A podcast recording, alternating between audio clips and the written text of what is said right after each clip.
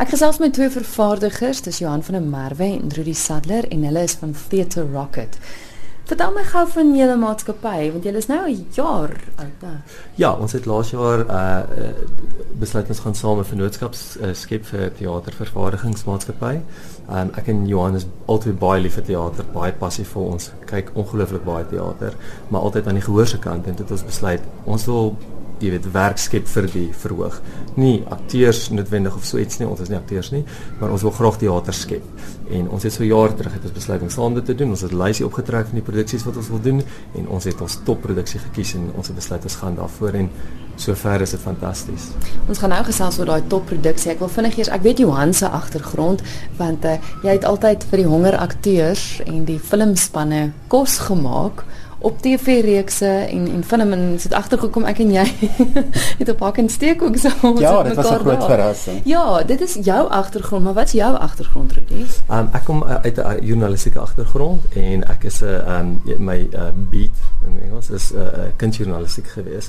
So ek skryf vir baie lank al. Ek het vir 'n paar jaar lank skryf nou nog vir beeld en netwerk 24 teaterresensies en um, ek is ook 'n Naledi uh, beoordelaar. So ek sien op vreeslik baie teater en dit is net 'n groot liefde. So wanneer ek kan, dan gaan kyk ek teater. Oh, so nou moet ek my vrae baie mooi formuleer.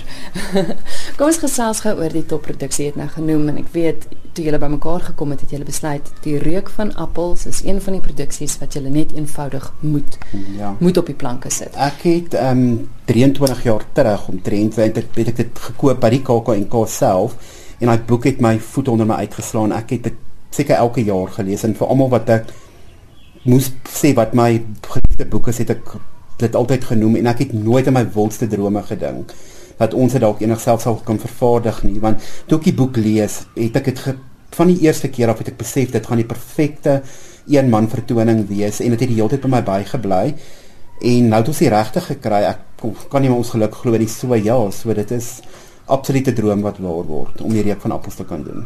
Die reek van appels is 'n boek wat in verskriklik baie tale vertaal is. Dis dis 'n welbekende boek. Ja, dit is regtig die um, reek van appels het omtrent elke prys wat in Suid-Afrika gewen kan word, het dit gewen. Dit het ehm um, die Mnet toekenning gekry, dit het die Jean Marais toekenning gekry, die CNA literêre toekenning en ehm um, die Betty Trask toekenning in in Los Angeles het dit die Art ehm um, Sydenham toekenning gekry en dit was ook genomineer vir die Booker-prys wat die grootste prys is wat enige boek kan kry. So uh, en dit is in 13 tale vertaal tot in Chinese. Ons het die Chinese boek in ons hande vasgehou en dit is baie vreemd om dit te kon sien. Ehm um, ja, so dit is regtig en um, ons het sy maak beer se ma en suster ontmoet en sy het ons vertel die twee lande wat die boek regtig onsaglik goed ingedoen het was in Frankryk en in Duitsland onder andere. Mark Beer, die skrywer, hy's oorlede. Ja, hy is oorlede in 2015 mm. En ehm um, die eintlik was dit nogal ironies uh, met die KAK&K se bekendstelling waarvoor die reek van appels die debuutproduksie is. Uh verlede jaar letterlik op die dag van die herdenking van sy dood is die program bekend gestel waar dit ook dan aangekondig is dat die reek van appels uh 'n debuut 'n debuutproduksie gaan wees. So dit was baie ehm um, emosioneel uh vir sy familie gewees uh ook ehm um, met die herdenking van sy sy dood en dan die aankondiging dat sy boek verhoog toe gaan. Dit is nou 'n uh, eenman vertoning soos jy gesê het wat op sigself 'n uitdaging is, 'n baie komplekse storie ook met verskriklike baie onderliggende temas. Kan jy in kort vinnig net gou vir die luisteraars sê waaroor dit gaan? OK, dit gaan oor um, die Afrikaans Afrikaner mentaliteit in die apartheidsjare sonder om 'n politieke drama te wees. Dis net die milieu waarin dit afspeel en dan sit soos gesien in deur die oë van 'n 11-jarige seun Marnus, die um, die seun van 'n weermaggeneraal. Ehm um, dit is regtig mens kan nie daai jare ek het net met Rudy gepraat, um, toe daar nie daar was nie TV nie, daar was nie rekenaars nie, so jy het geglo wat jou onderwysers of die dominee of jou ouers vir jou gesê het. So jy het geen rede gehad om enigiets te bevraagteken nie. En daarom dink ek die mense veral van die 80er jare gaan so kan identifiseer met dit, want dit daai era word so goed gevat vasgevat wat ek in geen ander boek nog teëgekom het nie. Wie het die verwerking gedoen van die boek af na na die teaterteks toe?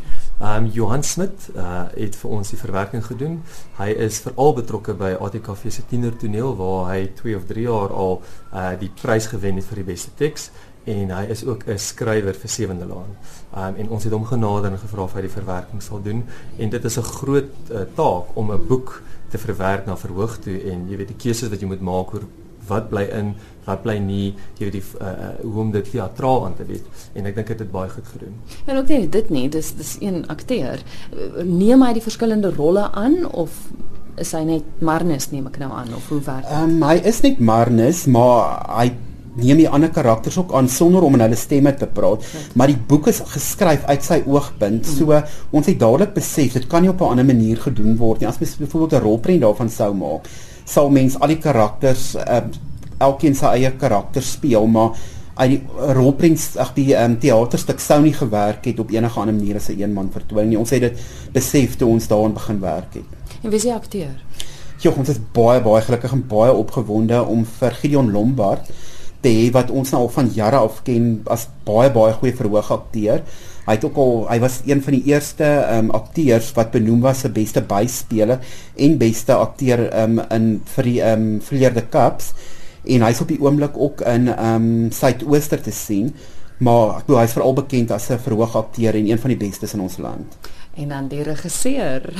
uh ons is ook baie bevoorreg om Lara Baai te hê as regisseur. Um Lara Baai is bekend vir uh onder andere Oscar en die Pink Tannie en uh, London Road wat die topproduksie van Gramstad uh, se French is ooit uh, in terme van verkope. En ek dink sy bring uh vir eenman vertoning dink ek is Lara uitstekend geskik want sy bring daai intimiteit en die menslikheid van die storie bring sy baie goed uit. En dit is wat die reek van appels voorvra. So ons is 'n droomspan van Gideon Lombard en Lara Baai wat vir die eerste keer saam ook uh, aan die produksie aan 'n produksie werk op hierdie vlak.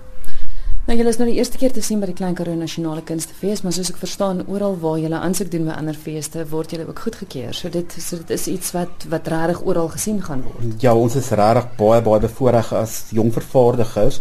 Ehm um, ons het aansoek gedoen by die Staatsteater en ons het 'n volle speelvlak gekry in September van 3 weke. Hulle het hierdie keer vir eers keer gaan hulle Afrikaanse seisoen doen. So ons gaan deel wees van daai Afrikaanse seisoen. En dan het ons net in laasweek gehoor ons is ook gekeer vir die Vry, um, Vrystaatse Kunstefees in Bloemfontein. En dan wag ons nou nog ons wil graag nou nog gaan ons nog aanspreek vir die ander feeste en ons is besig om met teaters in die Kaap te onderhandel vir 'n speelvlak daar. Ons sal vir julle uitkyk na Oudtshoorn. Dankie. Dankie.